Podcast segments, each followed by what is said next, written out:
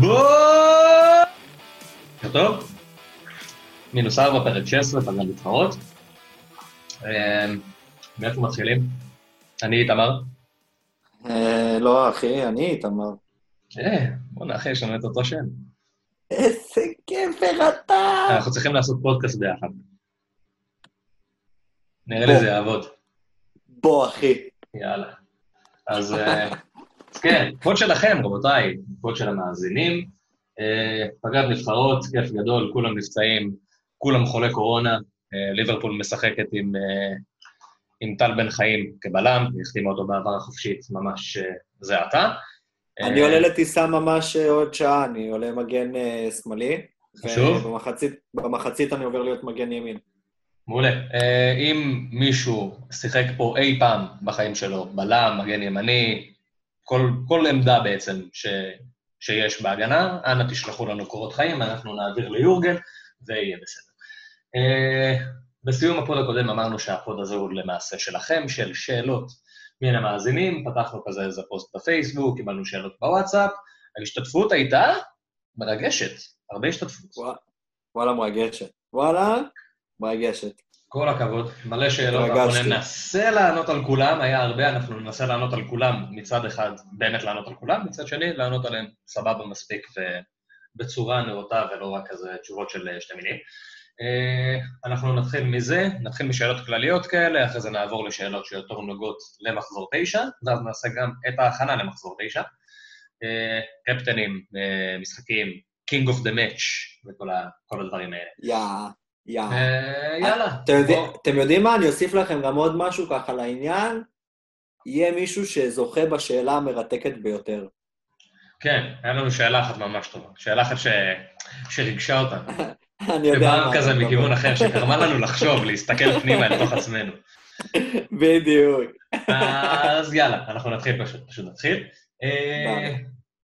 תומר עובדיה ויניב סולומון, שהצטרף אליו, שאלו אה, מה היה הדירוג הכי גבוה שסיימתם בו, ויניב סולומון גם הצטרף ושאל מה הדירוג שלנו כרגע. אז הדירוג הכי גבוה שאני סיימתי בו היה 433 בעולם, שלישי בארץ, זה היה בעונת 2018-2019. כרגע אני 260 אלף ובעלייה, לאט לאט. אני, אני סיימתי באותה עונה, זו הייתה עונת השיא של שנינו. ב-18-19 אני סיימתי מקום 13,267 בעולם, ובארץ סיימתי מקום 34. 34 או 36? 30, ב-30. או נגיד 12. ב- או 34 או 36, בקיצור. אמ, זהו. המצב הנוכחי? אה, מצבי הנוכחי, העונה פתחתי מאוד נורא, הייתי מקום 4 מיליון. כן, כן, אתם שומעים טוב. הייתי מקום 4 מיליון במחזור הרביעי, היום במחזור 8 אני מיליון 200 אלף, יש קצת אה, יש עלייה ניצוצות, קלה. יש ניצוצות, יש, אה, יש כן. תחושה של משהו טוב שקורה. הייתה פתיחה זוועתית, ועכשיו אנחנו בדיוק נכנסים למיליון, ומשם השמיים הם הגבול. מקווה. אה, ליאור בסון שואל, אה, למה החזירו את כל המחזור לחמש בשבת? שזה מצחיק, כי עכשיו אם אנחנו מסתכלים על המחזור, אנחנו רואים שהוא לא בחמש בשבת, ונעשה כאילו איזה הסבר קצר על איך הדברים האלה עובדים. אה, את השעות של המשחקים קובעים בערך שבוע וחצי, שבועיים לפני. אם אתם תסתכלו עכשיו, וכשאני אומר עכשיו אני מתכוון ביום שלישי, ותסתכלו על מחזור אה, 11 לצורך העניין, אתם תראו שמחזור 11 הוא כולו בחמש בשבת, כי פשוט לא קבעו עדיין את השעות ואת הימים של המשחקים, תמיד קובעים את זה יחסית בצמוד אה, למתי שהמחזור מתחיל. שבוע וחצי, שבועיים לפני, ליאור שאל את זה שהיה עוד שבועיים למחזור וזה היה נראה ככה, ועכשיו אנחנו רואים שזה מפולג רגיל, ארבעה משחקים בשבת, ארבעה משחקים ביום ראשון, אה, ושני משחקים ביום שני. הם תמיד ינסו לעשות את זה עכשיו, כל עוד הקורונה עדיין חוגגת ואין אוהדים, ינסו לחלק את זה, שלא יהיה משחקים חופפים בכלל. במקרה הכי כן, גרוע היו. איזה שניים, שלושה. לגמרי, ואני לא זוכר שהיו אפילו משחק אחד השנה שהיו שתיים במקביל. היה, היה איזה סיטואציה היה? כן. בודדים, בודדים מאוד, אין שום... אני חושב שמחזור אחד באמת, אני חושב שרק מחזור אחד. יכול להיות. היה איזה משחק. של לסטר עם משחק של וולפס ביחד, לא יודע, משהו כזה. לא קריטי. יכול אה, להיות, זה משהו כזה, אבל אה, כולם בשעות שונות, הם לא ישנו את זה גם לשאלתך, ליאור. זה לא משהו שהולך להשתנות כרגע, כל עוד אנחנו. בקורונה. אנחנו נראה את כל המשחקים, יהיה לנו כיף. אה, נועם קירם, אני מקווה שאמרתי את זה נכון, אה, שואל לגבי דיפרנציאלס מומלצים, והאם באמת חשוב להתקבע על ההרכב שאתה רץ איתו לאורך כל המשחק, שאלה בשני חלקים. בואו רגע נסביר מה זה דיפרנציאלס. דיפרנציאלס, אם אני אתרגם את זה בתרגום ממש קלוקל לעברית, אז נקרא לזה אסים. שחקנים כאלה שאין להרבה אנשים, ואנחנו אוהבים אותם ורואים בהם פוטנציאל. אה, בוא נגיד שחקנים עם 5-4 אחוז ופחות מזה. לרוב זה כזה, אנחנו מסתכלים גם על שחקנים כזה 1-2 אחוז בשביל באמת להיות, אה, אה, להיות מחוץ לקופסה.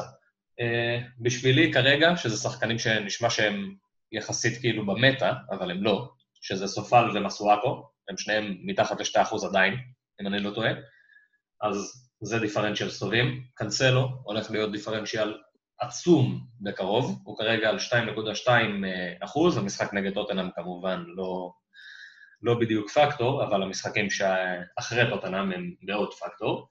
ויש לי שלושה האמת שהם, שהם למחזורים הקרובים עכשיו, והם כזה מחוץ לקופסה, אני מבסוט עליהם. אחד זה ון אנולט, של קריסטל פלאס, שני זה צ'רליסון, של אברטון, והאחרון זה מדיסון, של אסטר. מעניין, מעניין, אהבתי. זה הדברים שאני... אני לגמרי, לגמרי, לגמרי איתך בריצ'רליסון ובוונאלולט ובמדיסון, אני חושב שזה שלושה מאוד מאוד מעניינים למחזורים הקרובים. יש לשלושתם משחקים טובים. מעניין, מעניין. אני אהבתי את הבחירות. בוא נגיד שאני, היה לי את חכים שהיה, הוא כבר לא. אני הבאתי. אותו שהוא היה אחוז. כן, עכשיו הוא 13, תוך שבוע וחצי. 13, ובוא נגיד שתשמעו את הפוד, הוא יהיה כבר 15 לפחות. סביר להניח, גם עכשיו עם כל הסיטואציה עם סאלח. אמ, האם חשוב להתקבע על ההרכב שאתה איתו? אה, כאן אנחנו, אני אתן את הגישה שלי, איתמר ידבר על הגישה שלו. אנחנו משחקים כאילו, אני משחק יותר זהיר, אתה משחק יותר פתוח, שורה תחתונה. וזה עניין של נטו איך אתה, איך אתה ניגש למשחק, אין פה נכון ולא נכון. בשבילי הרכב זה קודש. באמת, ברמה כאילו הכי, הכי קיצונית שיש. אני לא יוצא מההרכב שלי, אני לא יוצא, אני כרגע משחק 3-5-2, תחילת העונה אה, שיחקתי 4-3-3, יצאתי מה-4-3-3 ב wild card, מה-3-5-2, אם אני אצא, אני כנראה אצא ב wild card, או באיזה mini wild card ששמרתי שני חילופים, ואז עשיתי מינוס 4, מינוס 8 או משהו כזה. אבל באופן כללי, אני לא משחק עם זה. יש לי חלוץ פרימיום אחד, את אה, קלברט לוין, שני, נגיד, פרימיום בקישור, פרימיום אחד בהגנה, כל השאר כזה סוג של שחקנים משלימים. זה תמיד נשאר ככה, וזה תמיד יהיה ככה. אני לא זז מהתבניות האלה, כי זה פשוט הרבה יותר נוח בעיניי, זה גם מפקס אותך וגם זה... זה פשוט, אני לא יודע איך להסביר את זה, זה מכניס אותך לפחות בעיות. אתה לא, לא מוצא את עצמך כזה משנה תבניות כל הזמן, ואז פתאום אני צריך uh, להסתכל על ורנר וורדי ו... וחימנז ואינגס, שזה שחקנים שאני לא אמור להסתכל עליהם. אני יודע על מה אני מסתכל, ויש לי את המיקוד שלי. זה שחקנים שאני יודע שיעשו נקודות, ואני מוותר עליהם מראש. ואין לי בעיה עם זה. ושם אני נמצא. זהו. מה אתה אומר? אה, קודם כל, אני מאוד אהבתי את השאלה הזאת. את שתי השאלות שלך. שאלות מאוד אה, נכ- נכונות ומכוונות וחשובות, באמת. אה, אני, בגדול, אני גם בגישה הזאת, אני לא כל כך שיניתי מערך השנה, אני גם רצתי על ה-352, לא זכור לי, אולי מחזור אחד היה לי של 433, משהו כזה שהתחרבש שם בהתחלה, בפתיחה הנוראית שלי, אז הידרדרתי שם גם לשינויי הרכבים כאלה מוזרים. אה, אבל אני מאוד מאמין בגישה, במערך של ה-352, במיוחד השנה. אני לא חושב שאני הולך לשנות אותו, לפחות עד ה wild card. מבחינת הגישה הזאת אני לגמרי, לגמרי אה, באותו ראש. מה שכן, אה, אני יכול להגיד לך שאני נוטה קצת יותר לשחק עם החילופים. אני, לפחות עד מחזור 20, אני יותר נוטה לעשות מינוס, מינוס 4, ואם צריך גם מינוס 8. אה, אני יותר מאמין כרגע לצבור כסף, גם על חשבון של מינוס ארבע. אמ, זהו, אני מקווה שעניתי לך, שאני כרגע עד מחזור 20 מאמין בכסף, ומערך לא ישתנה. אחרי זה, אלוהים גדול. כן, אבל אני כן אוסיף כאן, שכאילו, העניין של המערך, ה-352, אתה לא יוצא ממנו, זה נכון. אבל אתה כן נגיד מזגזג בין חלוצים כמו צ'ה אדמס לעבור לטימו ורנר. אתה מבין למה אני נכון. מתכוון? נכון. כאילו יש לך את העניין נכון. הזה שמפרימיום אחד בהתקפה אתה תעבור לשניים. אני לא אעשה את זה. חד משמעית. אני כרגע עם קיין וורנר. אתה מזגזג את הפרימיומים שלך בעמדות במגרש. לזה התכוונתי כן. יותר. כן. וזה משהו כן. שאני לא עושה. אבל זה עוד פעם, זה עניין של, זה נטו גישות. כאילו. כל אחד זה, רואה את זה אחרת. אמ, דן גרוסמן שואל, מה המערך הכי מומלץ, לדעתנו? ונראה לי שענינו על זה, ענינו על זה כבר. 352, אה, בוא נסביר אבל גם למה. דבר ראשון, 352, 343, אני חושב שזה שני המערכים היחידים שאני אישית שיחקתי בפנטזי, כאילו מערכים של איתם אני רוצה לפתוח. היה מקרים של 433 בגלל פציעות, קרו, קרו דברים. אמ, שאמרתי עכשיו... צריך להסביר כזה למה אנחנו למה זה ככה. ובואו נתחיל מהשלוש בהגנה, כי זה נראה לי הכי פשוט. כזה. למה שלוש כן. בהגנה ולא ארבע ולא חמש? וזה די ברור העונה, כי אין שערים נקיים, פחות או יותר. אף אחד לא מצליח לשמור על שערים נקיים. Premier League אין שערים נקיים. Premier League יש לך מגנים שיודעים לעשות התקפה, שיודעים לתרום התקפית. אנחנו נרצה שלושה כאלה, ועוד שתיים שלפעמים תוכל לזג... בדיוק, שישלימו מקום, לפעמים תזגזג עם איזה אחד, לא מעבר, זה הגנה... גם כשאמרתי מקודם 4-3-3, אז התכוונתי ל-3-4-3. אני בהגנה, לא תראו אצלי יותר משלושה שחקנים בהגנה. אה, ועכשיו, העניין של, ה... העניין של ה-5-2 לעומת ה-4-3. אני פתחתי עם 4-3, עברתי ל-5-2. עכשיו זה קצת, איפשהו זה טיפה התפוצץ לי בפנים, אבל לא באמת. כי עקרונית אני פתחתי עם 3-4-3, כי הסתכלתי על כל החלוצים שיש ב-6 מיליון, אמרתי, אוקיי, יש פה את ווטקינס, יש פה את שאדמס, יש את מיטרוביץ', יש את מופאי, יש את ווילסון, יש את אנטוניו, כאילו היה מלא בטווח מחיר הזה של חמש וחצי עד שש וחצי, אפילו נכנס לשם את במפורד, למרות שלא הסתכלתי עליו, נגיד, היה מלא אופציות. אז אמרתי, אני לוקח שני חלוצים באזור הזה של השש מיליון, חלוץ אחד פרימיום, ארבעה בקישור, שלושה בהגנה, נשמע לי טוב. בתחילת העונה זה התפוצץ לי בפנים. כי צ'אדמס ומיטרוביץ', ביניהם נתנו לי שני שערים ובישול בארבעה משחקים, משהו כזה. וזה היה על הפנים, אז יצאתי מזה ועברתי ל-352, למה שכזה ראיתי בו פוטנציאל, אה, פוטנציאל יותר גדול אחרי הפתיחות האלה של זהב ושל גריליש ושל, אה, ושל חמאס, ופתאום היה נראה שיש אופציות מטורפות בקישור. עכשיו, שווטקינס פתאום מתחיל להבקיע, ובמפורד עושה מה שהוא עושה, ושאדמס תופס פורמה, אז אפשר להגיד ששלוש ארבע שלוש נראה יותר טוב. אז זה עניין כזה שזה שני מערכים שתמיד מזגזגים אחד עם השני. עכשיו, זה לא רע, כן? לא, אני לא מרגיש ש... לא נפלתי לפיגור או משהו כזה, ה-352 עובד לי והכל טוב והכל מגניב. אבל ה-343 נראה לי יותר טוב ממה שהוא היה נראה לי במחזור 4 שיצאתי ממנו, אם זה הגיוני. אז אני, אני דווקא יותר בעד ה-352, ויש לי סיבה אחת שהיא קצת גרידית. בואו בוא, בוא נגיד תכלס, היא קצת גרידית. אני, הסיבה שלי של ה-352, שאני מעדיף לחזק יותר את הקישור מאשר את ההתקפה, מסיבה מאוד פשוטה. יש לי עוד שתי נקודות באוויר. מה זה אומר? שחקן קישור שלי שמר על שער נקי, זה עוד נקודה שחלוץ שלי לא יקבל. עוד דבר, שחקן קשר שיפקיע לי, יקבל נקודה יותר מחלוץ שיפקיע לי. זו הסיבה היחידה שאני מעדיף קשר יותר מחלוץ. כן, וכרגע גם יש לנו, יש לנו אופציות לכל דבר, האמת. זה באמת אחת מה... זו, זו עונה שאני יכול לראות את שני המערכים האלה עובדים ממש טוב, ואני לא רואה כזה הרבה הבדל אם אני הכי... שתדע, שתדע שגם עשיתי, עשיתי איזו סקירה לגבי זה, ואני מקווה שזה גם ייתן לכם עוד יותר תשובה. עשיתי קצת סקירה לגבי המערכים, באמת, הסתכלתי על ה-20 אה, מקומות הראשונים בעולם, גם אה, במחזור הקודם, ולפני שני מחזורים כאילו, וגם במחזור הקודם. רציתי לראות גם אם יש איזשהו שינוי. אז באמת לפני שני מחזורים, היה לנו בעשירייה הראשונה שבע מקומות ראשונים ראשונים, כל השבע הראשונים, שיחקו ב-3-5-2. במחזור הזה, מתוך העשירייה, יש לנו שבע קבוצות של 3-4-3. מעניין. מה שכן, אני יכול להגיד לכם שכל ה-20 הראשונים, גם במחזור הזה וגם מחזור לפניו, שיחקו או בזה או בזה. לא במערך אחר. נראה לי תשובה מספיק טובה. אמ, מתן כהן שואל, האם רצוי לרענן את הסגל כל שבוע, או לשמור חילוף, ואז להחליף שני שחקנים ולפתוח יותר אופציות, מה עדיף?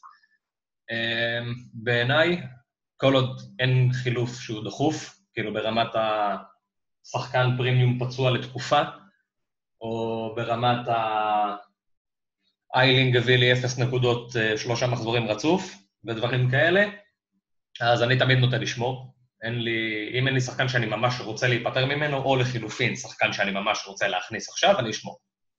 כי האופציות שיש לך בשני חילופים, לעשות כאילו פתאום כזה מהלך של שלושה חילופים במינוס ארבע, זה, זה mini wild card.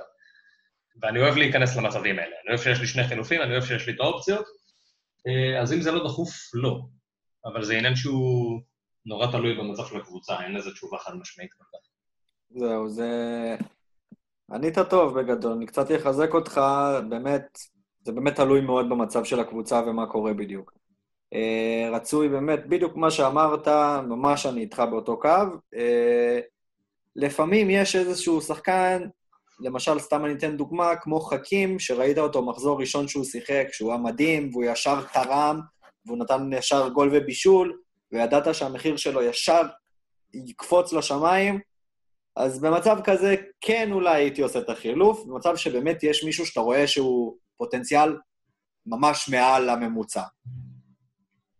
חוץ מזה, באמת, אם הקבוצה לא חייבת חילוף, הייתי שומר עוד חילוף, וזה פותח לך באמת הרבה יותר אופציות למחזור אחרי.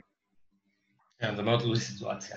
אמ, הדר בר מתכנן wild card ושואל האם ללכת על שני שוערים פותחים בארבע וחצי ולעשות רוטציה, או ללכת על שוער אחד בארבע וחצי ואחד שלא משחק בארבע. פה אני יודע שאנחנו שנינו באותה גישה.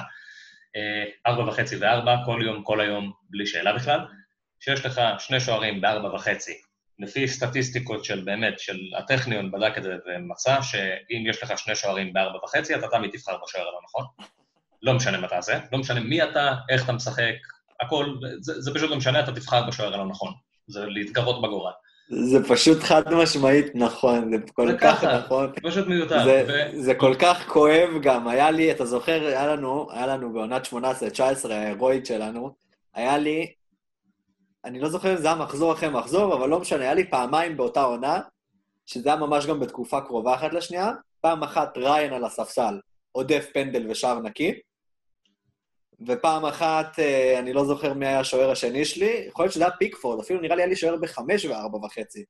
היה לי פיקפורד וגם שער נקי והדף פנדל, פעמיים אכלתי את זה, ששתיהם על הספסל. וזה למה לא לוקחים שני שוערים פותחים, כי אתה לוקח שטן אחד שאתה מכיר, ואתה איתו, ואתה מאמין בו, ובזה זה נגמר. אין, אין תחושה יותר רעה מלבחור אה, בשוער הלא נכון. זה פשוט, זה, זה, זה נורא. וכרגע, אם אנחנו נסתכל על זה, גם פשוט נקביל את זה לעונה. נגיד, והייתם משחקים עם מרטינז ומקארתי, לצורך העניין. לא יודע מה. מרטינז ועוד מישהו. מול לסטר ומול ארסנל, כנראה שאתה מספסל את מרטינז. מול לסטר ומול ארסנל, מרטינז היה שערים נקי. ולא הייתם משחקים. אז למה? אי אפשר באמת לדעת מאיפה זה יגיע. לגמרי. השער הנקי יגיע מאיפשהו, מתישהו, אי אפשר לדעת מאיפה. אז לגמרי. פשוט להאמין באחד ולרוץ. אמ, ככה, אה, זה, זה, זה הזוכה שלנו. אתה מוכן לזוכה? זה, זה הזוכה. חברים, אתם מוכנים? איזה שיחה, זה, זה יהיה שיחה כל כך כיפית. אמ, ככה, זאת השאלה הכי טובה בעינינו שקיבלנו. אה, דורון שרייבר שואל, ואומר בעצם, ניסיתי להסביר לחבר למה אני כל כך אוהב לשחק פנטזי, מה גורמי המשיכה העיקריים, ולא ממש הצלחתי. האם אתם תוכלו לתת תשובה? וזה הכניס אותנו ללופ. איזה לופ. וואו. וואו, איזה לופ. אני בהתחלה, אני אתן איזה כזה, איזה אנלוגיה לפני, איזה נרטיב. אה, אני פשוט התחלתי לחשוב כאילו על איך הייתי רואה כדורגל לפני הפנטזי ואיך אני רואה אותו אחרי. זה כזה, ניסיתי כזה לשחק עם זה, להחזיר את עצמי לפעם. פעם הייתי מסתכל, רואה משחקים של ליברפול, רואה משחקים מדי פעם של סיטי, ארסנל, יונייטד, טוטנאם, תלוי מי... תלוי באיזה מצב ליברפול הייתה. אם היינו נלחמים על ה top 4, אז קבוצות של ה top 4, אם אנחנו נלחמים על האליפות, במשחקים של סיטי. וזה, זה היה כאילו מאוד בנאלי. ליברפול מנצחת, כיף לי, סיטי מפסידה, כיף לי. יונייטד מנצחת, לא כיף לי. פשוט, סך הכל. לא בדיוק אכפת לי מי מפקיע, לא בדיוק אכפת לי מי מבשל. כזה שארנולד כזה הולך לשבור שיא בישולים לשחקן הגנה, אז אני מתרגש יותר מבישול שלו, אבל סך הכל מאוד, אה, מאוד בנאלי. אחרי הפנטזי, זה כבר חיה אחרת לחלוטין. זה לראות משחק של קריסטל פלאס נגד וולפס, ולחגוג 0-0, בטירוף, כאילו, בטירוף, בטירוף, להיות חובר לטלפון כמו פסיכופת, לבדוק מי בבונוס, זה משוגע, זה, זה משנה את כל החוויה הצפייה. אחי, זה, זה גם לראות לסטר וולפס, ולראות את ג'סטין קבל צהוב, שיש אותו לכל הליגה, וזה חגיגות, אחי, זה חגיגות. זה אפילו לא שחקנים שלך, כן. זה, זה אפילו לא חייב להיות שחקנים שלך, זה פשוט שחקנים שמשפיעים עליך. אז כל משחק, אתה איכשהו מושקע בו רגשית. במקום שתהיה מושקע רגשית רק במשחקים של הקבוצה שאתה אוהד, או רק במשחקים שישפיעו על הקבוצה שאתה אוהד, אתה פשוט מושקע רגשית בכל הליגה, כל הזמן. וזה זה... הרבה יותר כיף, זה פשוט הרבה יותר כיף. זה, זה פשוט, המשחק הזה, אתה פשוט מבין גם את החשיבות, לא את החשיבות, אתה סוף סוף מגיע לתובנה כמה שאתה נהנה לסבול מהמשחק הזה. חד משמעי. זה גם מוסיף. אין כיף כמו הסבל הזה במשחק הזה. פשוט אין. אין כיף כמו פוליסיץ', נפצע בחימום, ומסואקו עולה מהספסל לנקודה אחת מול ליברפול. אתה מבין, אבל מה, ברצינות עכשיו? אתה אוכל כל כך הרבה חרא במהלך עונה, באמת. גם אם הייתה לך, אני יכול להגיד לך שגם ב-18-19, בעונה המטורפת שלנו, באמת, הייתה עונה, היה לי מחזור גם של 126 נקודות. מחזור כאילו אין. אבל לא משנה כמה פגיעות, היו הרבה, תמיד במשחק הזה יש יותר נפילות. תמיד באת להכניס מישהו והכנסת את השני. תמיד לא הוצאת את ההוא, וההוא נפצע, וההוא קיבל אדום, וההוא מת, וההוא דודה שלו יש לה קורונה. תמיד. אבל הרגעים האלה, שאתה מכניס חכים זיך, זייח, לפני שיש אותו לכל הליגה, הוא נותן לך גול ובישול, אל אתה מלך העולם, אחי. אתה יכול להחליף את למפרד בצ'לסי. זה... אין, אין מילים, אין מילים להסביר את המשחק הזה, פשוט מקווה שהצלחנו לענות על זה, בכבוד. כן, זה פשוט, אין, זה היה, לא יודע, זה פשוט משפר את כל החוויה הצפייה ברמה אחרת. כל מי שאוהד כדורגל, כל מי שנהנה מספורט, כל ספורט, גם לעשות פנטזי ליגת אלופות יעשה לך פחות או יותר אותו דבר, תלוי כמה תהיה מושקע בזה. אבל ברגע שאתה משקיע בזה ונכנס לזה ונהיה תחרותי עם זה, ומנסה לנצח את החברים שלך, או את אח שלך, או את החבר שלך לעבודה, או את הבוס שלך, או לא משנה מה, זה, זה משנה הכל. זה פשוט הופך להיות הרבה יותר כיף. זה התחרות וזה ההשקעה הרגשית. אני אגיד לכם מעבר, אני ממליץ לכם, אני ממליץ לכם אפילו, אתם חבורה קטנה, חמישה, עשרה חברים, פתחו ליגה לעצמכם, אני בטוח שהרוב עשו את זה, כן? אבל אני אומר למי שבמקרה לא חשב על זה, פתחו עוד ליגה לעצמכם, צאו ביניכם איזושהי התערבות לכיף, וואלה, זה גם יכול להוסיף לכם. כן. עכשיו לשאלת השאלות.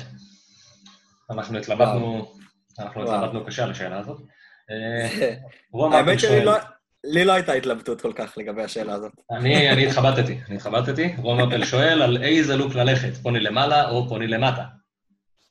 לי זה, חרה קצת, השאלה, כי אני בן אדם של פוני לצד. אני, זה לא, לא אופציה, אז אני לא, לא יודע. האמת שאני גם פוני לצד, אני מבולבל. אז מה עושים? אני מבולבל לגמרי. יש פה בעיה, אה, יש כאן תקלה. התשובה היא פוני לצד, זו התשובה. כך. פוני לצד, חד משמעית, קיבלת. אה, לפני שאני אגיע לשאלה האחרונה שנמצאת לנו בהערות, יש שאלה אחת מהוואטסאפ שכמעט שכחתי להכניס, אבל הנה נזכרתי.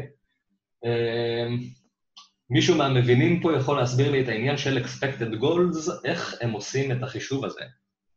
שאלה של תום עברון, שהולך גם לעשות פה עוד הופעה בקרוב. אה, הסברתי את זה כזה, ניסיתי להסביר את זה כמה שיותר טוב. עקרונית, expected goal זה הסכמה של זה, הנוסחה של זה, זה כל מה שנכנס פחות או יותר לערך של מצב. מדובר בזווית לשער, בסבירות להבקיע לפי מקרה עבר, אם הבעיטה לכאורה הייתה בראש או ברגל, אה, מה המרחק מהשער, ממש הכל. זה איזה מין נוסחה כזאת, שאת האמת, אני לא חושב שיש מישהו שכזה יודע אותה בדיוק איך היא עובדת, אבל היא עובדת, שורה תחתונה. תנסה, לד... תנסה לדמיין, אני להוסיף לך שנייה משהו רק, תנסה לדמיין סוג של מחשבון, כמו שיש מחשבון כזה לכל הפיזיקה, אז מחשבון כדורגל, עם כל מיני נוסחאות... אה, כן. לא הכי ברורות לעין, שבסופו של דבר השורה התחתונה זה מה שהוא מסביר פה. בדיוק. אז עכשיו אנחנו צריכים גם, אה, צריכים גם להסביר את זה טיפה יותר לעומק, את כל הקונספט של, אה, של XG, כי זה משהו שאנחנו משתמשים בו הרבה בקבוצה, כי זה משהו שהוא... זה, XG ו-XA זה שורה תחתונה חלק מהנתונים הכי, הכי מועילים לפנטזי בשביל לחזות פחות או יותר תוצאות. אה, צריך להסביר ש-XG זה לא לוקח בחשבון את השחקן עצמו. אין XG לקיין כי הוא קיין ו-XG לסטרלינג כי הוא סטרלינג. ה-XG זה לפי המצב. זה כביכול, אם שחקן כדורגל הכי ממוצע בעולם היה בועט מאיפה שקיין בעט או סטרלינג בעט, זה היה הסיכוי שלו להבקיע. שחקנים כמו קיין, כמו מוחמד סאלח, כמו טימו ורנר, זה שחקנים שיש להם אחוז גבוה יחסית של המרה. זה שחקנים שיודעים לסיים, שמסיימים טוב. אז לרוב הם מסיימים מעל ה-XG שלהם, או פחות או יותר אותו דבר. עונה שעברה נגיד הייתה עונה די נוראית של סאלח, והוא סיים מתחת ל-XG שלו, למרות שהוא עשה 22 שערים. ה-XG שלו היה יותר גדול. אה, קיין כמעט תמיד מסיים עם, XG, מסיים עם יותר שערים מה-XG שלו, כי הוא פשוט finisher מטורף, אותו דבר אגוארו. שחקנים כמו סטרלינג נגיד, בועטים לא טוב, ומסיימים לא טוב. אז אם אנחנו נראה אה, סטטיסטיקות של סטרלינג, ואנחנו נראה שעל פי החצי הראשון של העונה נגיד, נראה שהוא צפוי לסיים עם 21 שערים, סביר להניח שהוא יסיים או ב-21 או מתחת. אם אנחנו נסתכל על קיין והוא יהיה אה, צפוי לסיים עם 21 שערים, הוא יסיים עם 21 או מעל, סביר להניח. זה על פי, על פי מקרה עבר. אז אתה צריך גם להכיר את השחקן ולא רק להכיר את הנתונים. זה משהו ש... זה הולך ביחד, זה לא שחור ולבן. וזה צריך, צריך להסביר את זה. מיטרוביץ' נגיד סיים עם אקס ג'יבול, עונה שעברה, שזה קורה לעיתים רחוקות. אבל הוא סיים כזה 25 שערים, והיה לו אקס ג'י של 25, והוא סיים עם 25, משהו כזה. ואז חשבנו שהוא יהיה טוב, ואז לא. ואז פשוט לא. אתה יודע, הוא גם, הוא החטיא את הפנדל של סרביה. הם עפו כאילו... וואלה. הם עפו בגללו, כן. וואלה, אני אפילו לא... כאילו, מה זה בגללו? האמת, אבל אה, כן. האמת, אני עברתי כמה ימים קשים עם הלימודים, אז אני, הנבחרות, מצאתי את עצמי פסק זמן סוף סוף קצת. וואלה, שמע, כל מה שאתה... שום דבר לא השתנה. כולם נפצעים, כולם חולים, וכולם מחמיצה פנדלים. כולם מחמיצה פנדלים מכריעים, וכולם חולים ופצועים. אמ, שאלת השאלות, גם של דורון. מהי, מה הפרסים בליגה נושאת הפרסים שלכם? הוא. החשיפה הגדולה? לא באמת החשיפה הגדולה, כי אנחנו לא נחשוף יותר מדי פרטים, אנחנו לא רוצים.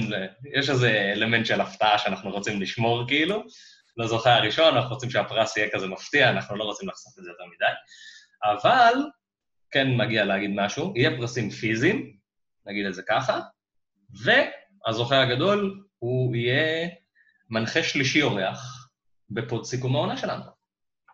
אז תהיו מוכנים. מרגש. זה יהיה או בזום, או שתגיעו שה... לסטודיו, מה שתעדיף. וכמובן שהזוכה במקום השני יזכה בחבילת אה, טיסה VIP לחמש שנים ללונדון. בדיוק. מנוי, מנוי לכל הקבוצות, שיוכל ללכת לכל המשחקים, איזה שבא לו. אמ, זהו. ובר. נותנים בר. אתם תקבלו בר בלונדון. נכיל עד 250 איש, אנחנו יודעים שתקופת קורונה, תתמודדו עם זה.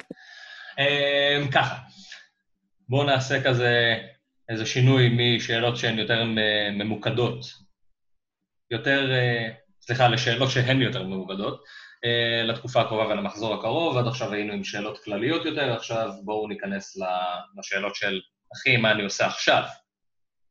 מה, מה אני עושה עם ברונו? מה אני עושה עם סאלח? בואו בוא נדבר על זה. אמ, אייל גרון אומר, לווילה יש לוח משחקים טוב למחזור הקרוב, ונראה שכדאי להכניס שחקן הגנה זול שלהם. על מי אתם ממליצים? Uh, הקבוצות שלנו כרגע מדברות בעד עצמם, שנינו עם אמי מרטינז, A.K.A. השוער הכי טוב בליגה, A.K.A. המפלצת פנטזי הכי גדולה מאז uh, גייטה של 18-19, A.K.A. יותר טוב מילנו, למה מכרתם ארסנל? אחלה A.K.A. בדיוק. לגמרי. מרטינז, קליל. אח שלנו. Uh, כן ניתן איזה מילה טובה לטארגט, ואפשר להגיד מילים כן. טובות לקונסה ולהגיד מילים טובות למינגס. כולם אחלה אופציות, מינגס לדעתי יקר מדי, 5.3 לא הייתי שם על בלם, אין מה לעשות, זה לא, חד משמעית. לא רואה את זה קורה. אה, קונסה, 4.7, בסדר, טארגט, 4.5, אה, טארגט כזה, כאילו המטרה שלו באסטון וילה זה תחפה על גריליש, תן לגריליש להשתולל, אתה תהיה מאחוריו, למקרה שהוא יאבד את הכדור. זה, זה כן. העבודה של טארגט פחות או יותר, אבל הוא כן בישל. המחפה. במחזור כן, האחרון לא, בישל נגד אה, ארסנל. מה, נקודות ארבע. וחצי, בוא נגיד שארבע וחצי כן מעניין, אחי. כן מעניין, כי יש להם רצף לא רע, וההגנה שלהם לא רעה. איך אתה. מרגיש לגבי שניים מווילה נגיד? שניים בהגנה. גם טארגט וגם אני- אני. חש... אני חשבתי על זה לרגע, קשה לי, קשה לי. גם לי קשה. כאילו יש לי, לי. יש לי ארבעה שחקני הגנה סך הכל, אני כזה. אני אפזר את הסיכונים שלי. בדיוק. אני לא אביא שניים.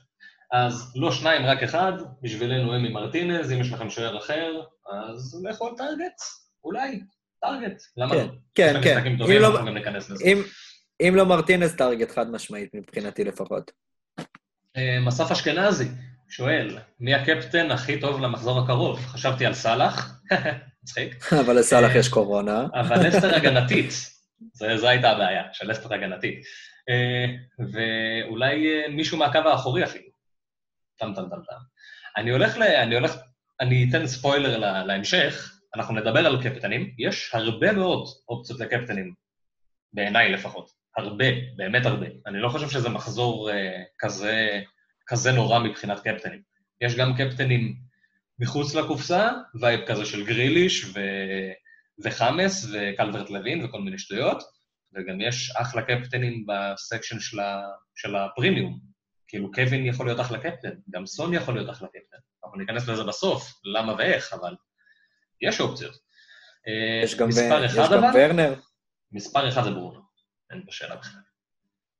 עם כן, כמה ש... פוטנציאלית, פוטנציאלית על השולחן, בורו. פוטנציאלית זה ברונו, אנחנו נדבר על למה אנחנו גם לא אוהבים את ברונו, אבל אי אפשר להתעלם מזה. ווסט ברומיץ' הקבוצה הכי חלשה בליגה, והוא משחק מולה בבית. יותר טוב מזה לא אמור להיות. אבל יש כל מיני סימני שאלה סביב יונייטד וסביב ברונו וסביב כל המשחק הזה, ואנחנו נדבר גם עליהם, נציף את הכול. Uh, לבינתיים, התשובה היא ברונו. לא הייתי הולך על מישהו מהקו האחורי, בטח לא במחזור כזה, זה בטוח. Uh, עומר גרל... אני חושב, רגע לפני שנייה אחת, לפני שתעבור לעומר, אה, אני הייתי מסתכל גם על צ'לסי. אם יש לך ורנר, חכים, אופציה מעניינת. ברור. ניכנס לכולם עוד. אה, עומר גרלניק שואל, מוציאים את רובו סלאש ארנולד? לא מאמינים עד הסוף אמר, בנוסף מוסיף שיש לו שתיים וחצי מיליון בבנק, ואין לו חילופים, והוא שואל אם לשמור או לעשות מינוס ארבע. כן, אני זוכר, אני עניתי לו על זה. אה, זה מצב, המצב שלו לא, המצב. נהיה הרבה יותר פשוט עכשיו. כאילו, ארנולד כן. פצוע, רוברטסון, אני- רוברטסון ישחק, אני מניח היפר. כאילו, לפחות מהעמדה שלי, איך שאני רואה את הדברים, רוברטסון משחק. זה, אני לא חושב שהוא פצוע. אה, אבל הוא, כל ההגנה פצועה, אז כאילו, זה משנה בכלל. כן. כאילו, אנחנו הולכים לעלות עם נקו וויליאמס, למרות שפביניו מטיפ זה סבבה, נקו וויליאמס זה זה יהיה קשוח, אבל לא יודע, גם לסטר לא משהו, זה, אני, אולי אפשר לסחוב את לא, רוב עוד מחזור, אבל אני לא יודע, לא יודע. גם זה כל כך קלאסי, באמת, אתה אמרת לי את זה מקודם, וזה כל כך קלאסי שכולם פצועים אז שהם לא יספגו. זה כאילו. אין, אין קלאסי כזה, אין. כן, אבל זה כאילו, אנחנו לא יכולים לתת עצות על סמך אה, זה מרפי. אי אפשר לעשות את זה. כן, לא, לא, לגמרי, לגמרי. לדבר תכלס, במצב הנוכחי, כן, אני- להוציא את רובו, להוציא את ארנולד. עזוב, אני, אני לא קשור לפציעות, אני אמרתי את זה כבר לפני שבועיים-שלוש. אני אישית לא הייתי משאיר את רובו, לא הייתי משאיר את ארנולד. השנה הם יקרים יותר מכולם, כן, כמו שנים עברו, אבל השנה הם לא תורמים יותר מאופציות אחרות שיש לכם, כמו צ'ילואל, כמו רגילון, כמו סמדו שתרם לא מעט. ויש אופציות שחוסכות לכם מיליון, מיליון וחצי, אם לא שתיים, שאני חושב שהן לפחות באותה רמה, השנה. גם לעשות, נגיד, רוברטסון או ארנולד לקנסלו, במחזור הזה, זה להיות קנסלו זה לפני- מהמם. להיות לפני הסיבוב. אתה מכניס אותה. מחזור אחד לפני, קנסלו, אין שום סיכוי שהוא פותח את המחזור העשירי ב-5.4, סביר יותר שהוא יפתח אותו ב-5.6, 5.5 בוודאות, כן? כן. אז אתה מכניס אותו מחזור אחד לפני, משחק לא טוב נגד טוטנאם, ואפשר לספוג את המכה הזאת. העניין שזה במינוס ארבע, אז במינוס ארבע אני לא בטוח שהייתי עושה את זה. אולי הייתי פשוט מחכה, לוקח את ההימור שלי, כי אני לא רואה שער נקי לא לקנסלו ולא לרוברטסון, בתכלס. אז כן, אז לא שווה מינוס ארבע. ספציפית לסיטואציה הזו, עדיף לחכות, אבל בכללי, בואו נעביר הלאה את אה, רוברטסון וארנולד עם כל, ה... עם כל הכאב. אנחנו כבר עשינו את זה לפני, אבל זה פשוט רק מחמיר מרגע לרגע. אז... כן. הנה, בואו נדבר על צ'לסי. הגיע הזמן. אדיר שושני שואל על צ'לסי, וספציפית גם על טימו ורנר. אה, הוא אומר, טימו משחק כמה משחקים על קו שמאל ולא בעמדה הטבעית שלו. למפרד אמר שהוא עתיד לקבל מנוחה בקרוב, להשאיר או להוציא. זה... קח את זה. יש לך את אה, טימו, דבר אליי. אה, אוקיי, אז ככה, קודם כל, בואו נתחיל מכמה עובדות. עובדות על הנייר. אה, קודם כל, זה נכון שטימו משחק בצ'לסי, הרבה בכנף שמאל, כרגע שפוליסיץ' פצוע גם, אה, אז הוא פותח עם תמי כחלוץ, ורנר ככנף שמאל. עכשיו ככה, הרבה נוטים, וגם אני בהתחלה חששתי מזה, אמרתי, בואנה, למה החלוץ שלי משחק בכנף שמאל? אני לא אוהב את זה. אני... אז הייתם שמים לי אותו קשר, אם הוא כנף שמאל. כמו במיאן, כמו סאלח, כמו מאנה. לא אהבתי את זה. אבל, בגלל שפוליסיץ' לא משחק, מה שזה יוצר, זה יוצר שצ'ילואל עולה פשוט להיות שחקן כנף, ווינגר לכל דבר, וורנר נכנס לאמצע להיות חלוץ שני. והוא מגיע להמון מצבים בגלל זה. סתם לדוגמה, במשחק האחרון, הוא סיים עם גול, הוא היה אמור להיות עם שלושה, לפחות. אה, אז אני מאוד אוהב, דווקא שהוא כנף שמאל זה סוג של הטיה, הוא נהיה חלוץ שני והוא מגיע פנוי ומפתיע את ההגנות. אז יש בזה משהו דווקא לא רע, לא הייתי פוסל על זה. מעבר לזה, ורנר נכנס לכושר מצוין, הוא גם הבקיע צמד בנבחרת גרמניה. אה, אני חושב שאם יש לך אותו, זה לא שאלה אם להשאיר אותו, זה חד משמעית להשאיר אותו. Uh, לגבי המנוחה, נכון, שמעתי את למפרד אומר את זה, אבל זה פרמייר ליג, ועם הקורונה ועם התקופה הזאת, אני לא חושב שיש מישהו שלא יקבל מנוחה, מתישהו. אז גם המנוחה שלמפרד מדבר עליה, אני חושב שזה יהיה אולי למחזור, אולי הוא ייכנס דקה 60, איזה משחק אחד, אבל זה משהו שיכול לקרות עם כל שחקן אחר בפרמייר ליג, העונה. אז uh, זה לא משהו שעל זה הייתי מוציא או מכניס אותו. כן, גם חשוב להגיד שאם הוא יקבל את המנוחה, זה יהיה כנראה מתי שפוליסיץ' יחזור לשחק, ולא לפני. ופוליסיץ' כרגע עדיין נכון. פצוע, והוא לא יכול לא לשחק, לא עם אברץ, שכנראה לא יחזור עד ה... כן, אברטון המחזור מתאושש. מהקורונה. אה, לא עם ורנר ולא עם פוליסיץ'. זה לא נראה לי שהוא יעשה דבר כזה, קשה לי להאמין. אז אני חושב שלמחזור הקרוב לפחות, המצב די בטוח. אחרי זה, אולי. אני הייתי משאיר אותו, תשמע, מחזור קרוב בטוח הייתי מחזיר, משאיר אותו, כי יש לו גם משחק מאוד נוח על הנייר. אני, אני עניתי לך, כאילו, התשובה שלי הייתה גם על כמה מחזורים קדימה, שכרגע לא הייתי מוציא אותו, חוץ מזה שהוא גם, שכחתי להדגיש, הוא נהיה בועט פנדלים, אז בכלל לא הייתי מוציא אותו. ז'ורג'יניו מת. טוב, סגרת את הפינה הזאת, בעיניי, זה אין לי מה להוסיף לזה. אמ, תום עברון שואל האם. הגיע הסוף? האם הגענו לסוף, לסוף הדרך? הצמד סון וקיין, אני חושב שזו שהביא שאלה לנו כל כך הרבה רגעי. אושר. שאלה נהדרת, נהדרת, נהדרת, באמת. שאלה בנו, שסחב. אותנו. האם נגמר הסיפור? אמ, ככה, במחזור הקודם סוג של, אה, בפוד הקודם סוג של דיברנו על זה, סון זה היה הרמת סיכון הכי גבוהה, גם בגלל שהוא משחק פשוט פחות טוב בשני מחזורים האחרונים, והכושר ירד, קיין מציג מספרים של פסיכופת, אז סון היה כזה על המוקד, זה גם היה עניין כזה, אוקיי, סון לברונו לקפטן, נשמע טוב, אחרי זה ברונו לקווין, ומתחילים כזה את הרבע השני של העונה, נשמע ממש טוב. ואז כולם נפצעו. אין שחקן לא פצוע בערך, יש כרגע ארבעה שחקני ליגה כשרים. אז מתוך הארבעה שחקני ליגה האלה, סון הוא אחד מהם, וגם קיין הוא אחד מהם. אז האם הגיע הסוף? כנראה שעוד לא. כנראה שעוד לא. עקרונית, אם לא היו את כל הפציעות האלה ואת כל הבלאגן הזה, כנראה שכן. אבל, שכל העולם אני... אשתו פצוע, ואתה נכנס לאפליקציה ואתה רואה שלל צבעים, מלא סוגים של כזה, של סימני קריאה. אחד בכתום, אחד באדום, אחד בצהוב, כל מיני סימני קריאה כאלה. יש לך פריבילגיה להוציא את סון שמשחק בשביל מישהו אחר, יש לך פריבילגיה להוציא את קיין שהולך לשחק בשביל מישהו אחר, לי לא. אני, כן, אני חושב שענית לו די טוב. אה, לגמרי. חוץ מזה, אני אישית, גם דיברנו על זה, סון לא הייתי מוציא במשחק נגד סיטי, גם אם כולם היו כשירים, כי סיטי אוהב את המשחק לחץ, ואם... קו הגנה גבוה. טוטנאם, עם קו הגנה גבוה כמובן, זה מה שהתכוונתי במה שאמרתי. אם טוטנאם יצאו להתקפות, זה יהיה התקפות מתפרצות. ואין כן. שחקן, לדעתי, בפרמייר ליג יותר טוב מסון במשחקים כאלה. גם לסון יש סטטיסטיקה לא רעה נגד סיטי, אנחנו ניכנס לזה בעניין של הקפטנים, תאמינו או לא, זה יהיה הסקשן שאנחנו נדבר בו על סון, אז כנראה שלא צריך כל כך למהר ולעשות את זה. אמ, צריך להגיד שאם המצב היה רגיל, והיה, והיינו על wild card לצורך העניין, או לא יודע מה, או היה לנו שני חילופים ואף אחד לא היה פצוע, אז כן, כנראה שסון היה מפנה את המקום שלו, והיינו עושים חילופים שהם יותר... אה, ש...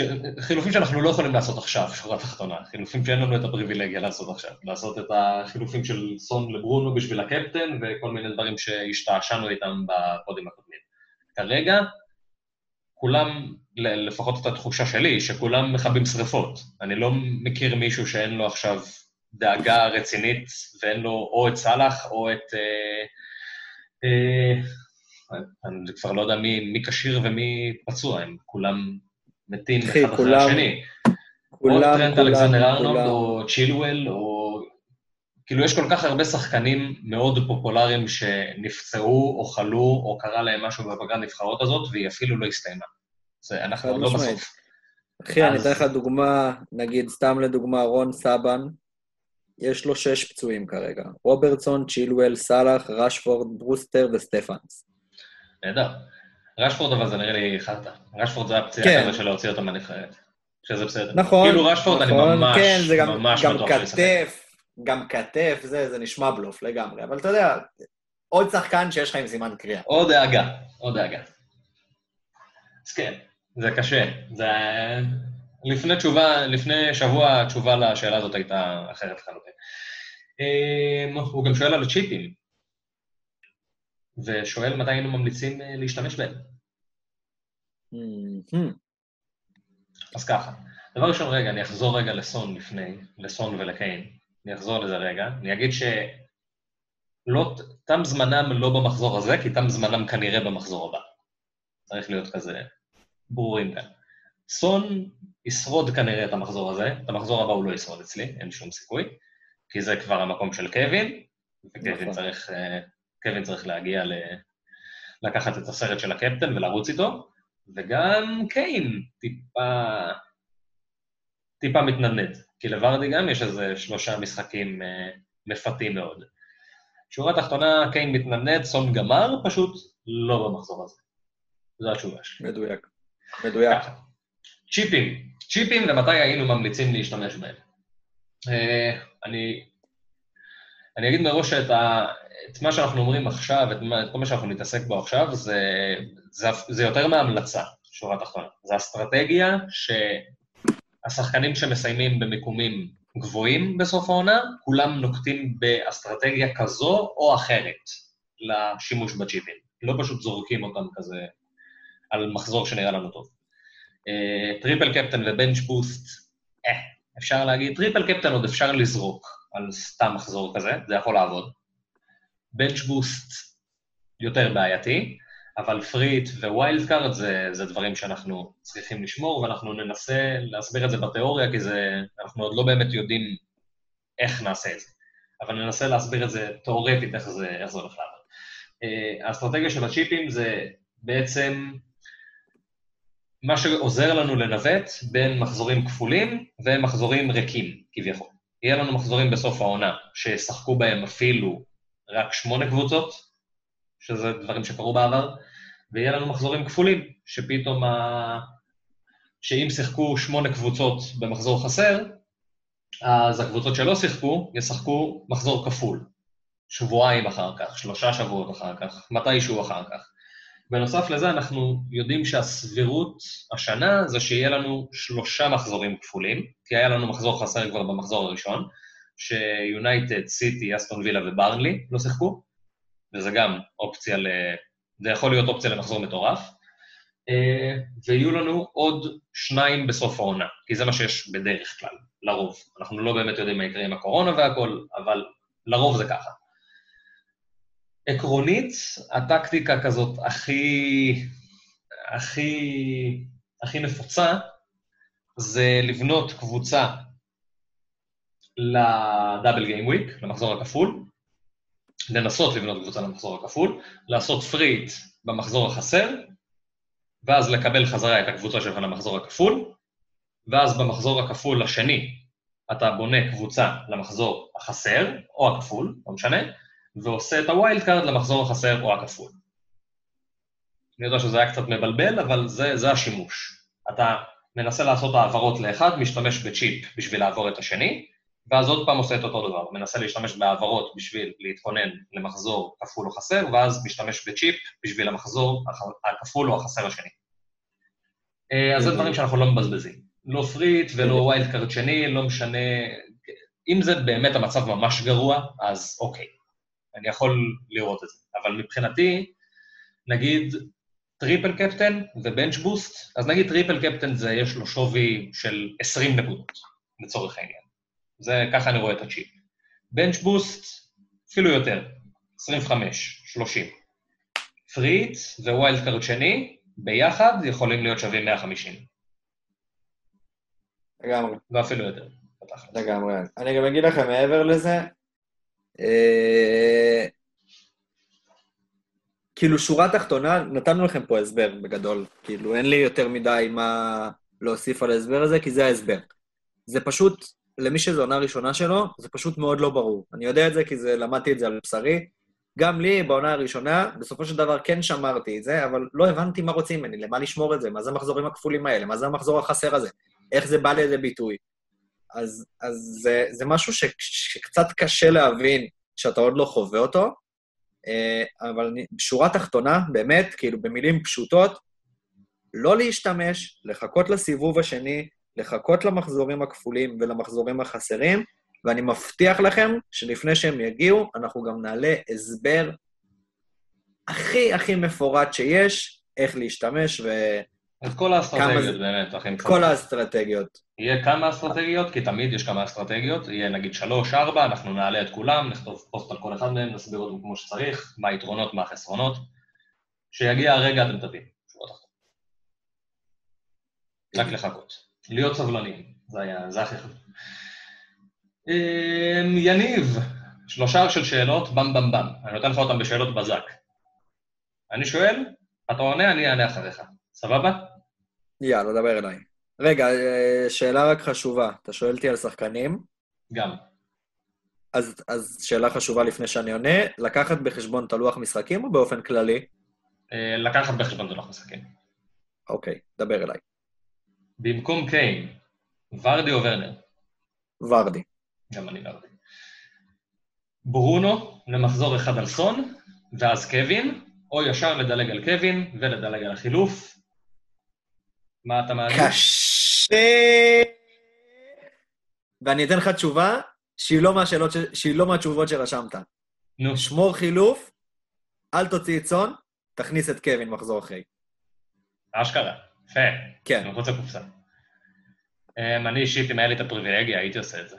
הייתי יכול לעשות כאילו, אם הייתי יכול לעשות סון לברונו לקפטן, ואז אם הייתי יכול הייתי עושה את זה. אבל במצב הנוכחי, לא מאמין, לא מאמין ביונייטד, אני כן מאמין בברונו, לא מאמין ביונייטד, קשה לי איתו, מאמין סון נגד סיטי, ברונו נגד ווסטברום שמצופפת, רואה את זה פוטנציאל זהה פחות או יותר. כן, מבין את זה. אני הייתי הולך על ברונו, הייתי עושה את זה. כאילו, הייתי עושה את זה אם הייתי יכול. אז אני אקח את, ה, את, ה, את האמצע ופשוט אגיד, סון לקווין. אני אסת- אני אסת- זה מה שאני אעשה, עזוב אותי. הסתבכתי עם זה. אמ, עוד שאלה נראה לי פשוטה, קנסלו או קרסוול? אה, קנסלו, ברור. קנסלו כן. למרות שאתה אתה יודע מה יקרה עכשיו. אתה מבין את זה שזה כאילו המחזור, המשחק האחרון של קנסלו בסיטי הולך להיות המחזור נגד טוטנאם.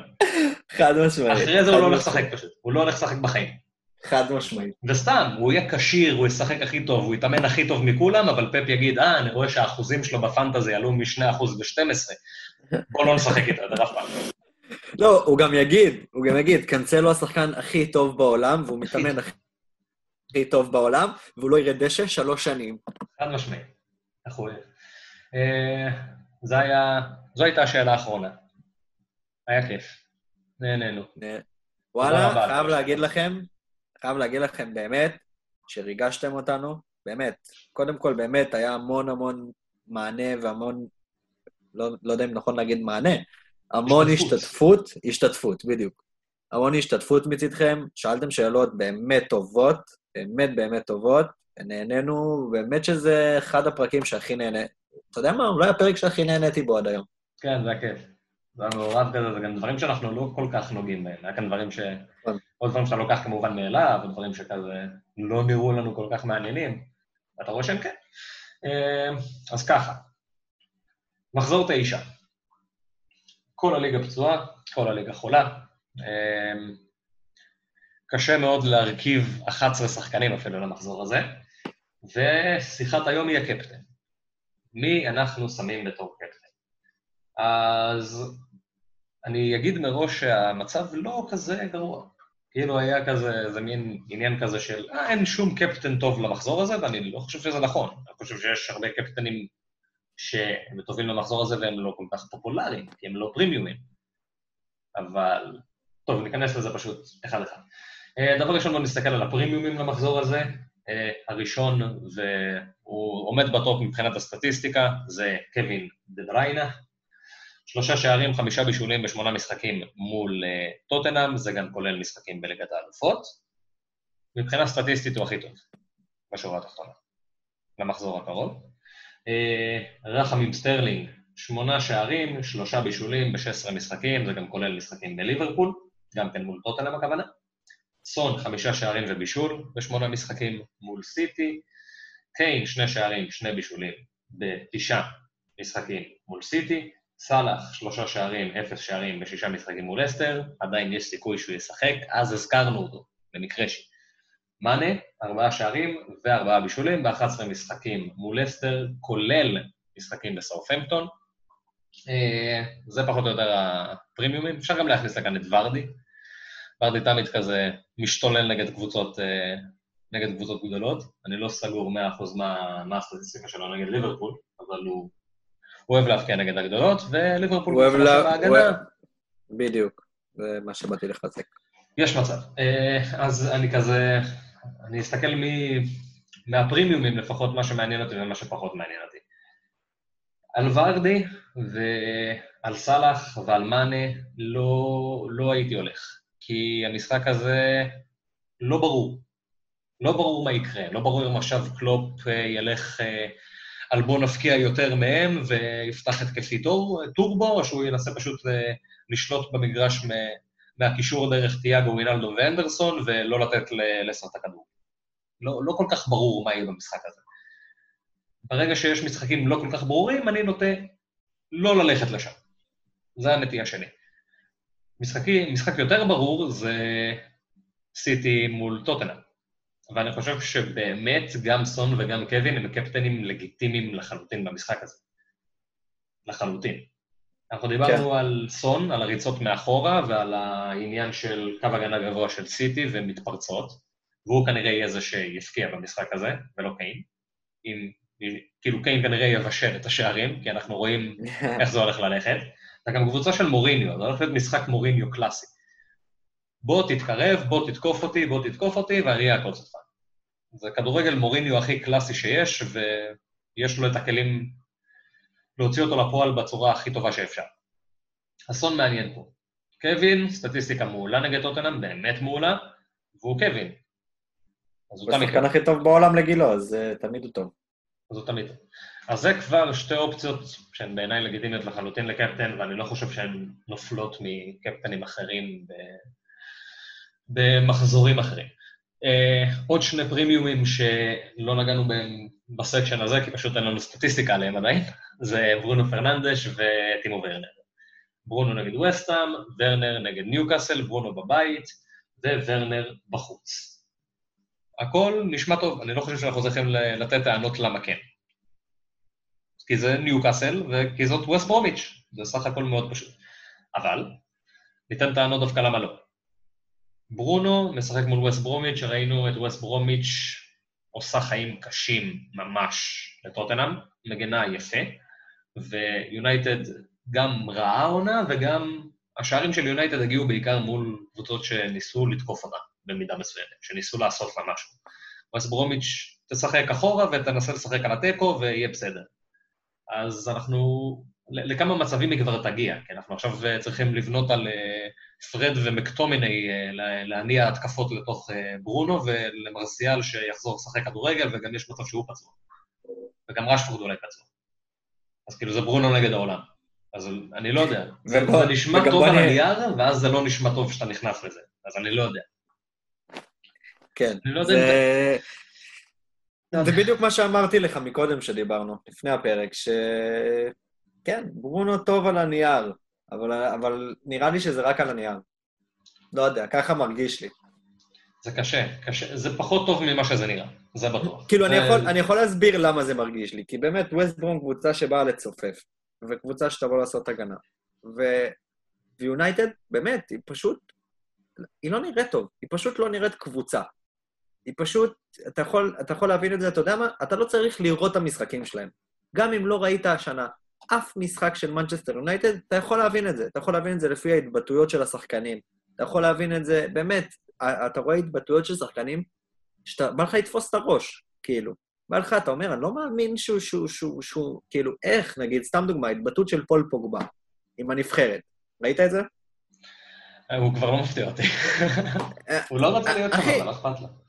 כן, אבל, אבל אתה מבין את זה שזה לא הגיוני? לא הגיוני שקבוצה בסדר גודל כזה מתנהלת ככה? נראה לך הגיוני? סתם, אני, כאילו, ברור, אין השוואה בכלל בין uh, קלופ לסולשר, כן? אבל סתם אני נותן לך את זה.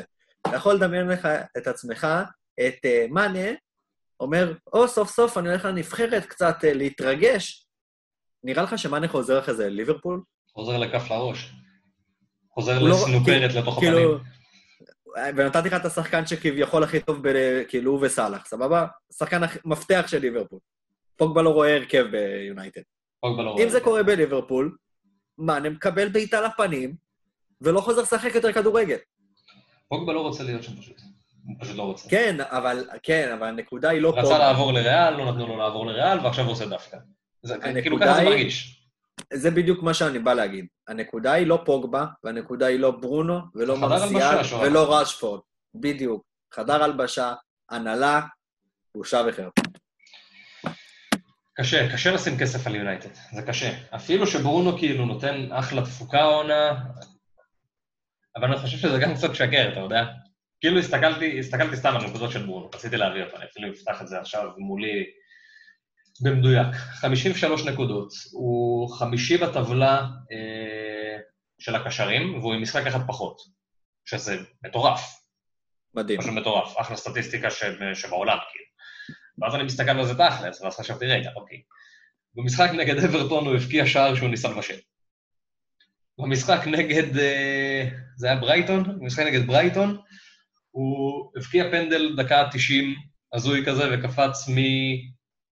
שלוש נקודות נראה לי, או ארבע נקודות, ל-12 ברגע. כן. וזה לא בדיוק הגיע. דקה 99 שהמשחק נגמר כבר. המשחק נגמר, עזוב, הפנדל היה חוקי בעיניי, זה לא משנה. אבל כן, העניין כן, לא. שכאילו היה לו מזל שזה, שהוא סיים עם 12 במשחק הזה. נכון. אני לא יודע, כאילו ברונו טוב, זה ברור שברונו טוב. ברונו שחקן מעולה והכול מדהים והכול אחלה. זאת יונייטד ונראים רע, וגם המספרים האלה קצת משקרים.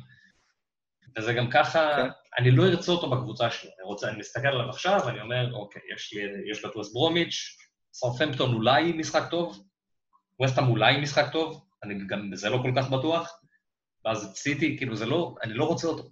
אני רוצה אותו וואי, במשחק ווסטהאם- הזה, וזהו. וסטאם יונייטד זה כזה בנקר וסטאם, וואו.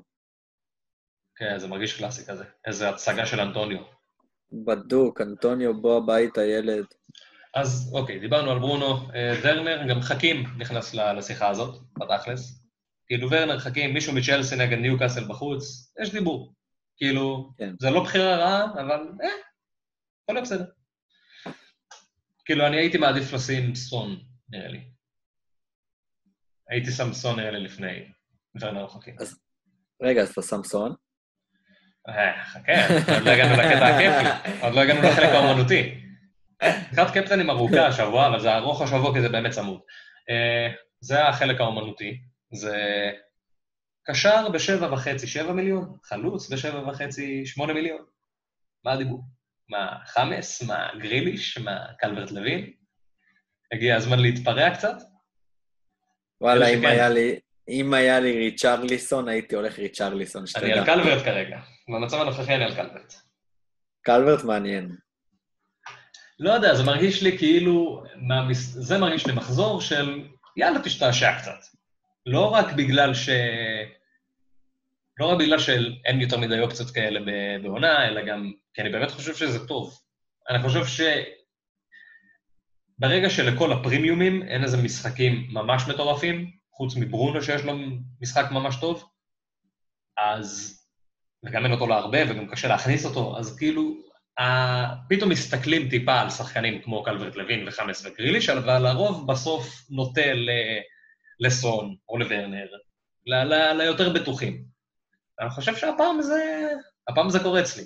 גם קלברט וגם, אה, וגם גריליש פורצים לי יותר מאשר, אה, מאשר סון, לצורך העניין. אוקיי. אני מסתכל כן, עליהם הרבה, זה יהיה אחד משניהם כרגע. זה, המצב שלי. אני בדיוק שיניתי את הקפטן שלי. למי העברת? קייל ווקר פיטרס, נגד וולפס. קלאסי. לא, לקילמן. קילמן? סתם, לא, לטימו, טימו. וטימו? כן. קשוח. קיצור, יהיה מעניין. זה גם יהיה סוף סוף כזה, לא יהיה עכשיו אה, 70 אחוז שמו קפטן כזה, 30 אחוז שמו קפטן כזה. במילים אחרות, זה, זה לא יהיה 70 אחוז סאלח, 30 אחוז קיין. בוא נגיד. שבמצטבר ביחד יהיה להם אולי 20 אחוז המחזור. שמע, תלוי, סאלח עוד יכול לחזור. אם סאלח עוד ישחק איכשהו במחזור הזה, זה מה זה יהיה קלאסי, כל כך הרבה אנשים העיפו אותו, פתאום הוא חוזר, זה... כן, כן. אבל גם אז לא. גם- בדיוק, גם אם, גם אם הוא יחזור, הוא לא יהיה, לא יהיה בטוח שהוא ישחק, והוא לא יהיה קפטן אצל הרבה קבוצות. כן, הוא לא יהיה קפטן. הוא גם לא, זה לא משחק טוב כזה בשבילו, והוא גם לא, פשוט לא. כן. אה, יאללה, King of the match, הכנות, עניינים. Yes? Baby. טוב. Yes. אה, זה, זה לא אמרתי, שכחתי להגיד את זה. עכשיו כאילו אני רואה אותם בסדר. זה למה גם לא שמים צ'לסי. הם במשחק הראשון. Oh, no, man. זה back early kick-off, אחי. רגע, אני צריך לשנות את טימו, שכחתי מזה. אתה חייב להקשיב לגנדי. אני, אסור לשים את טימו. חבר'ה, אסור, אסור, אסור. למי שלא אסור. יודע, גנדי אמר never back early kick-off, אז הוא אומר, בחיים אל תשימו את הקפטן שלכם על שחקן שמשחק במחזור הראשון, וזה אפילו לא משנה אם הוא יפגע. הסיבה לזה זה שאתם פשוט בחרדה כל המשחק, כל, כל המחזור. כאילו, כל משחק שאתם המחזור. רואים, יש מישהו שיכול לעבור את הקפטן שלכם, והוא קפטן גם אם, שלכם. גם, אוקיי, גם, אם שמתם, גם אם שמתם קפטן והוא דפק חמישייה, אתם כל... אתם כל חמישי הייתי מבסוט, אני לא אשקר, חמישי הייתי בסדר עם זה. לא היה לי שום בעיה עם זה. לא הייתי חושש. סתם, סתם, לא, הגזמתי, אבל באמת, שומע, הכי אמיתי, קפטן שלך, מחזור ראשון, נותן גול ובישול, אתה מבסוט? לא. לא, לא מבסוט, לא. לא מבסוט, לא מספק אותי. פחד אלוהים שזה, שזה מישהו עם קפטן סון ידפוק לי איזה שלושה פתאום. כן. אני- כל המחשבות הכי כאילו, הכי רעות יתחילו לרוץ. יואו, איך לא שמתי כן. סון. מול ההגנה של. סיטי, זה ברור שהוא הולך לתפור אותנו. מוריניו master class. איך לא שמתי קווין? ההגנה של טוטנאם זולגת, כאילו, כל, כל הדברים הכי רעים יעברו. אה, איי, איי, דרך אגב, גם אה, דוהרטי חיובי לקורונה. אם אנחנו ניכנס באמת לכל שחקן שנפצע וחלה, אנחנו לא נצא מזה. זה אנחנו צריכים להוסיף לא, עוד שעה של pod רק בשביל למנות את ה... סתם היה בא לי לדבר על דור... אה, לא, למה, למה רציתי לדבר על דוהרטי? אני נזכרתי עכשיו. כי גם אורייר בספק. אז מגן ימני בטוטנאם יכול להיות בעיה למחזור הזה. זה מה, שרציתי. שסטרלינג הולך להשתולל. זה מה שרציתי להגיד. זאת הייתה השורה התחתונה שלי. גם סטרלינג בספק, אבל. אתה רוצה לשמוע גם עוד משהו? גם המחזור בספק, אחי. הכל לא בספק. יסגרו לנו את הכדורגל. ספורט אחד בספק. לירן שכנר בספק. לירן שכנר בספק. אה, ככה. יאללה, ניוקאסל אה, מול צ'לסי. אה, 2-0 צ'לסי. יאללה, חכים, סוס מנצח. 5-0 צ'לסי טימו. מדבר כאילו, כאילו הולך לשים לך קפטן. אה, וילה נגד ברייטון, אה, זה מרגיש כזה 4-1, 4-2, אני אגיד 4-2, 4-2 וילה,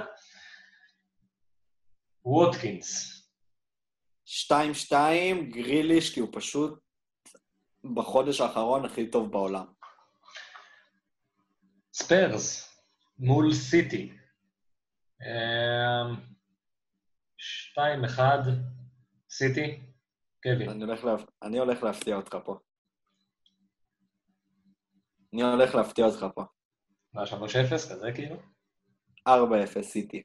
אשכרה. 4-0 סיטי, והקינג, קנצ'ין, קנסלו. ידעתי. היה לי תחושה. אם אתה כבר רץ על הימור, אמרתי טוב במאמר עד הסוף.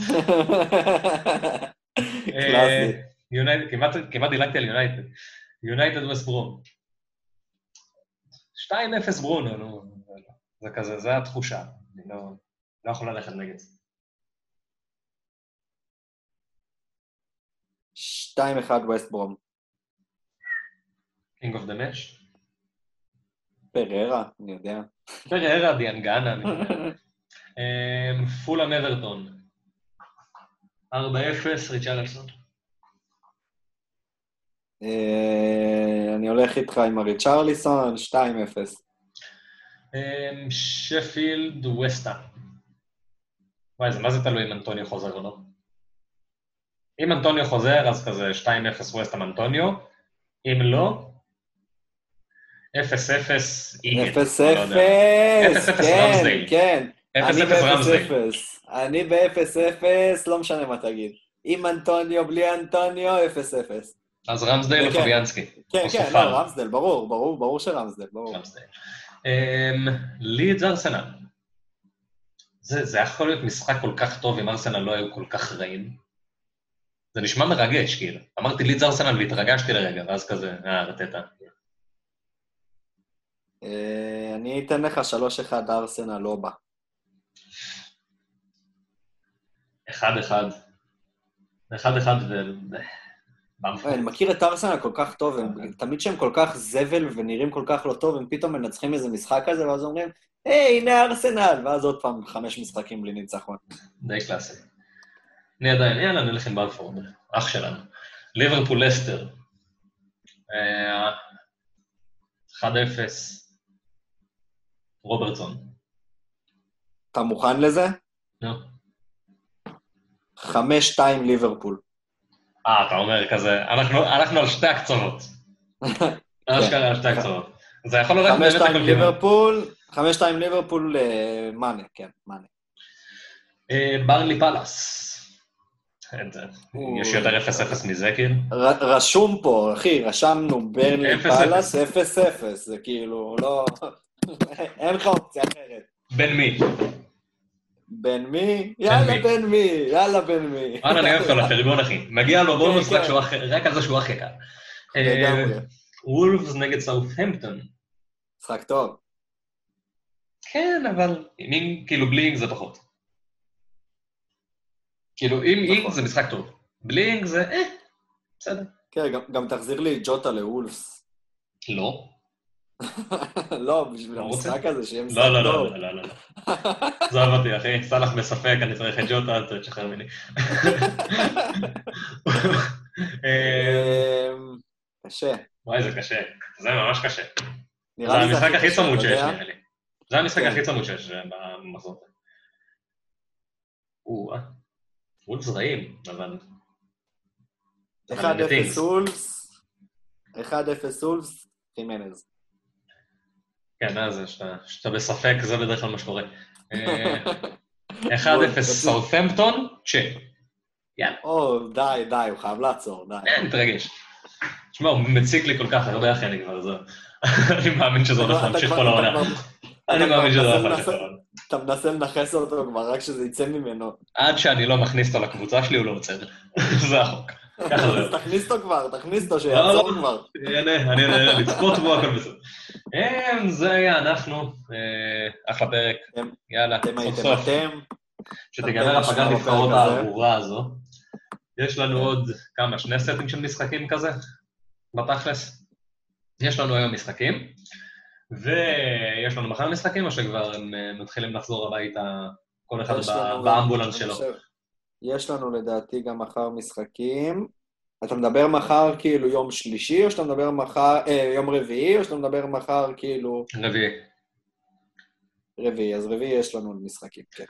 אז יש לנו שלישי ורביעי לעבור. כרגע, אם אני לא טועה, כרגע אנחנו עומדים על 112 פצועים, 108 פצועים. כאילו פצועים, מורחקים, חולים, כל, ה, כל הנעדרים כן, למיניהם. סתם, סתם, סתם שתבינו שהשנה זה כמעט חצה, או שאולי כבר חצה, את הפי שלוש פצועים מתחילת העונה, במחזור מספר, עד מחזור שמונה כאילו שהיה, מקביל כאילו ו- לעונה שעברה. מקביל לארבע שנים האחרונות. לארבע- לממוצע כאילו של הארבע שנים האחרונות? כן. מדהים, איזה כיף. אה, זהו. היה כיף. שלחו קורות חיים, צריכים מגנים. היה ממש כיף. צריכים מגנים. תודה רבה, אנחנו היינו אתם, אתם. הייתם אנחנו, יאללה ביי! בלה צ'או, חברים!